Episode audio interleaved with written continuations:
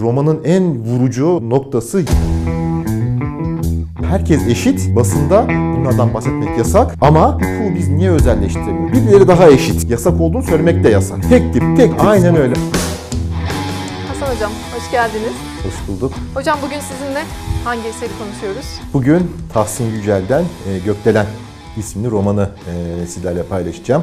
Şöyle göstereyim hatta. 2006 yılında yayınlanmış bir roman. Tahsin Yücel'in Türk Tahsin Edebiyatı'nın en verimli, en önemli isimlerinden Kesinlikle, birisi. kesinlikle aslında bir Fransız Dili Edebiyatı e, profesörü kendisi.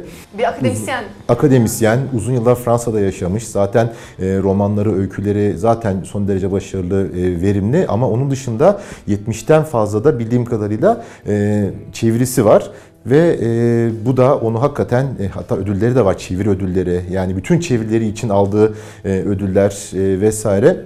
Zaten bir kitapta çevirmeni Tahsin Yücel olarak görünce rahatlıkla Kesinlikle, alıyoruz. Ee, kesinlikle. Ee, ama e, tabii bunun yanında her ne kadar e, Fransız dili edebiyatı profesörü de olsa e, Türkçe'ye karşı inanılmaz bir hassasiyeti var. E, Türkçe kelimeler konusunda hatta ben şahsım olarak konuşuyor, konuşayım. Sözlük ihtiyacı hissettim. Yani e, yabancı kelimelerin yerine Türkçe kelimeler ki bizim hatamız aslında. Temiz bir e, Türkçe. temiz bir Türkçe kullanmış e, ve e, kendisi Türk Dil Kurumu'ndan ödül almış bir e, yazar. Gökdelen e, romanı biz artık Bibliofil'de Gökdelen serisi yapacağız. Evet evet. İkinci gökdelenimiz olacak bizim. Daha önce e, bir hocamızla, Danihan hocamızla yapmıştık. Bu gökdelenin farkı ne hocam? E, Zaten benim e, bu kitabı e, işte düşünmemin, o anda aklıma gelmesinin sebebi de zaten Nihan Hoca'nın e, o Balard'ın Gökdelen romanını işte okumamla beraber ortaya çıktı. Gökdelen aslında bu tip distopyalarda özellikle işte Hollywood'da olsun, bilim kurguda olsun bir semboldür. Yıldız Savaşları'nda mesela bütün dünyanın tek bir şehir olduğu ve bütün binaların gökdelenler işte binlerce katlı belki gökdelenlerden oluştuğunu görürüz. İşte e, antik çağda işte efsanelerde vardır Babil Kulesi bir yere ulaşma, e, ondan sonra e, işte piramitler, ziguratlar vesaire hep bunlar dini amaçlı da olsa bir insanı aşma yani bir, bir bakıma Göğe yükselme, Göğe göğe, daha yükselme. yakın olma hali Evet, herhalde ki bunları- için farklı bir şey. Evet, göğe yakın olma fikrini birazdan yine e, romanla ilgili konuşurken göreceğiz. Çünkü e, bütün bu distopik romanlarda, bütün bu e, işte hatta günümüzde bile e, ne kadar zenginseniz o kadar en üst katlarda oluyorsunuz ki zaten Nihan Hoca'nın e, bahsettiği Balard'ın Gökdelen romanında da böyle bir e, katmanlaşma söz konusu. Herkes eşit. Ama birileri daha eşit diyebileceğimiz bir e, durum söz konusu oluyor ki e, zaten e, semboliz, sembolik olarak da gökdelen belli bir şeyleri insanlığın aştığının bir göstergesi. İnsanların artık biz bir şey yapabiliyoruz mantığıyla işte ortaya çıkmış bir sembolik durum. Gökdelen tamamen bu sembolizmi ifade ediyor. Çok enteresan bir tablo var. 2073 yılı var Evet. ve bir hukuk Kesinlikle. tablosu var. Hukuk üzerinden bir gelecek e, tablosu hiç daha önce düşünmemiştim. Kesinlikle. E, o yüzden çok ilginç çekici Kitabı geldi oldukça bana. özgün yapan zaten e, ki benim de ilgimi çeken noktası o oldu. E, tabii ki kitap az önce bahsettiğiniz hukuk e, siyasi yönü son derece e, yoğun bir kitap. Kitabın iki aslında çok önemli e, işte anahtar noktası var. Onlardan birini oluşturacak hukuk.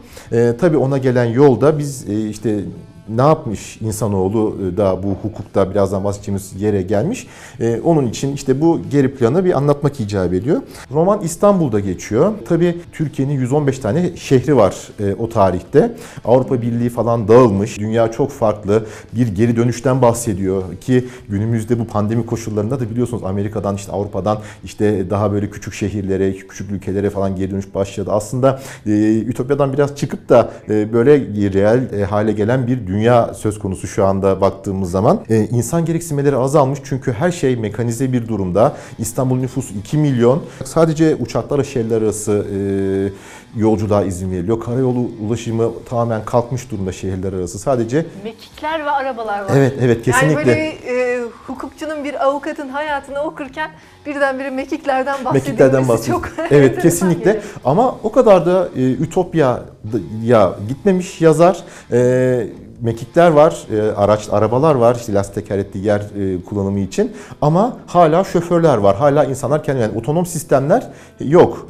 E, ve tabii bu e, modernleşmenin yanında bir iki tane de böyle e, naif e, nasıl diyeyim insani şeyler, öğelerden de bahsetmiş. Mesela e, romanın baş kahramanı Can Tezcan'ın e, eşi, e, eşini Can Bey'i e, sabah işine yolcularken yine arkasından bakıp işte gökdelenin son Camdan üçüncü katı bakıyor, camdan evet bakıp ya. yani öyle bir insani öğeleri de hala içerebiliyor. Yani 2073 yılının e, işte e, modern yaşamına, işte o distopik yaşamına rağmen yerden kopuş. Çünkü yeri kirli olarak görüyorlar. E, yer ne kadar yani bir insan ne kadar yere yakınsa o kadar e, sistemden biraz uzaklaşma e, işte yolunda ki birazdan ikinci bahsedeceğim bu e, önemli noktasında romanın bu yerden kopuşun ya da yere yakın olmanın e, uzantısı olarak göreceğiz. Kelebekler, güvercinler, serçelerin e, işte soyları tükenmiş. Sadece kargalar ve kara sineklerin olduğu yani hakikaten bir distopya. e, Yani güzel olan, e, göze göre, güzel görünen ne varsa Kesinlikle Onlar yok e, olmuş. onlar yok olmuş. E, buğdaylar serada yetişiyor. Bir buğday ekmeğini yemek böyle herkese nasip olmuyor. Böyle çok elit bir e, insan olmanız gerekiyor ki o buğday ekmeğini yiyebilirsiniz diye. Böyle bir İstanbul e, atmosferi çiziyor yazar. bu atmosferde e, kahramanlarımız kimler hocam? Can Tezcan az önce bahsettik. Bir avukat, e, ünlü bir avukat. E, hatta toplumda da bilinirliği oldukça yüksek bir avukat. Oldukça zengin, çok büyük bir şirketi var. Gökdelenin en üst katında oturduğuna göre. Kesinlikle emrinde çalışan çok insan var ve e, haliyle böyle büyük bir avukat ve ünlü bir avukat olunca tabii ki e, onunla çalışan insanlar da e, ünlü ve büyük insanlar oluyor ki bu da romanın esas e, kahramanı Temel Diker.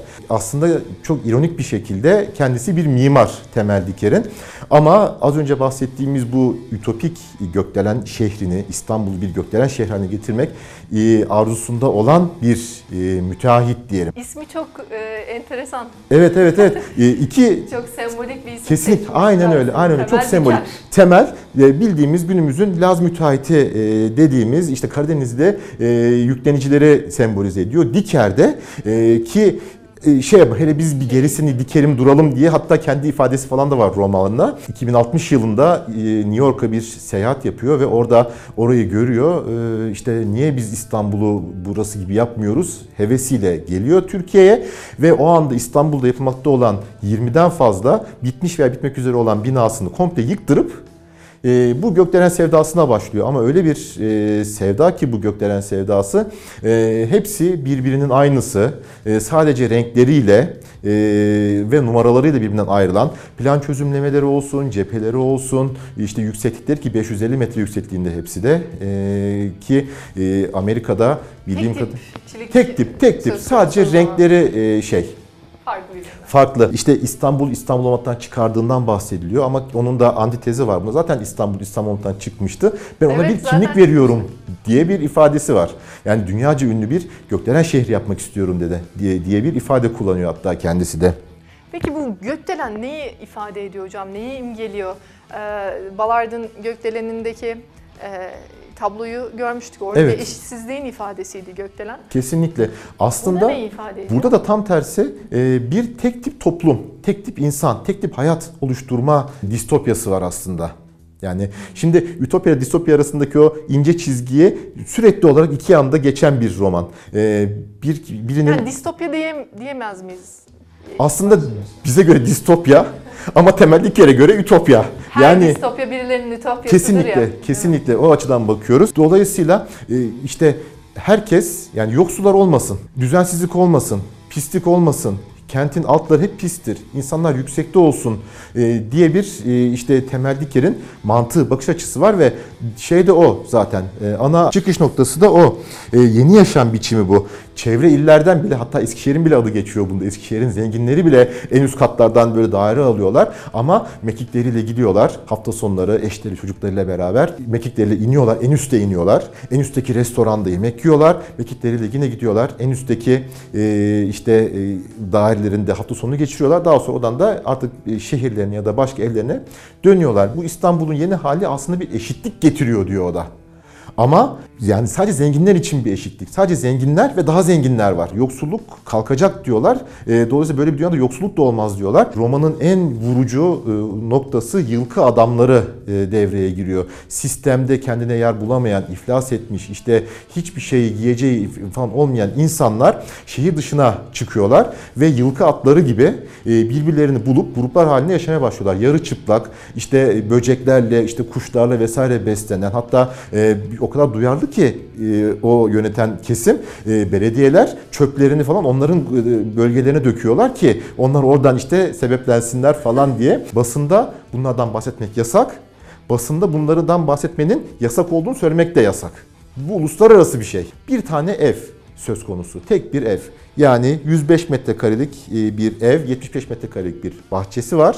E, Üzerinde birkaç tane ağaç var. Hatta bir tanesi işte şey vermeyen, e, meyve vermeyen bir fındık ağacı. Ve temel diker bu evi bir türlü alamıyor. Ve 16 tane gökdeleninin inşaatı sırf bu evi alamadığı için başlayamıyor. Ve benim gibi bir adam nasıl bu evi alamadığı için ki Temel Diker bazı tarihi binaların yıkımını da izin almış, onları yıkmış e, bir kişi. Onları alabildiğimde niye bunu yapamıyorum? Yani hukuk niye e, bana çalışmıyor? Ana fikrinden Can Tezcan'la bir toplantılarında acaba diyorlar hukuku biz niye özelleştiremiyoruz? Her şey özelleşmiş. E, Başbakanlık özelleşmiş, işte denizler özelleşmiş, dağ, taş her şeyi özelleştirmişler ama hukukta bir tabu gibi e, devlette kalması gibi şey. Bunun karşısına geçiyorlar. Daha sonra tabii e, medyanın gücünü e, kullanıyorlar. E, Zaten diyor suçsuz olmak suç olmuş. kesinlikle E, evet. hukuk özelleşsin madem. Aynen öyle. Rahat rahat davranalım Rahat diyorlar. davranalım diyorlar. İşte e, niye bu işte hakim e, işte paranın elinde olamasın diyorlar. Ondan sonra medya ile beraber, medyanın gücüyle beraber bu Türkiye gündemine geliyor. Türkiye gündeminde e, işte olsun mu olmasın mıdan nasıl özelleştirilmeliye doğru bir şey e, evrilme ve ondan sonrası zaten konunun hukukun özelleştirilmesiyle beraber e, bu işlerin bu sıkıntıların artık ne boyutlara geldiği e, söz konusu oluyor. Hocam e, 2073 yılında baya her şey değişmiş ama e, Dostoyevski ve Marx okuyor hala herkes. Bu beni Evet, çok mutlu evet, etti. evet, kesinlikle. E, hala tanıdık bir şeyler olacak gibi geliyor o Aynen zamanlarda öyle. da. Aynen öyle. E, ikinci gökdelen önerimiz olacak bibliofil izleyenlerine. E, dilerseniz okuyalım, okutalım mottomuzda Kesinlikle. bitirelim. Teşekkür ederiz hocam. Ben teşekkür ediyorum.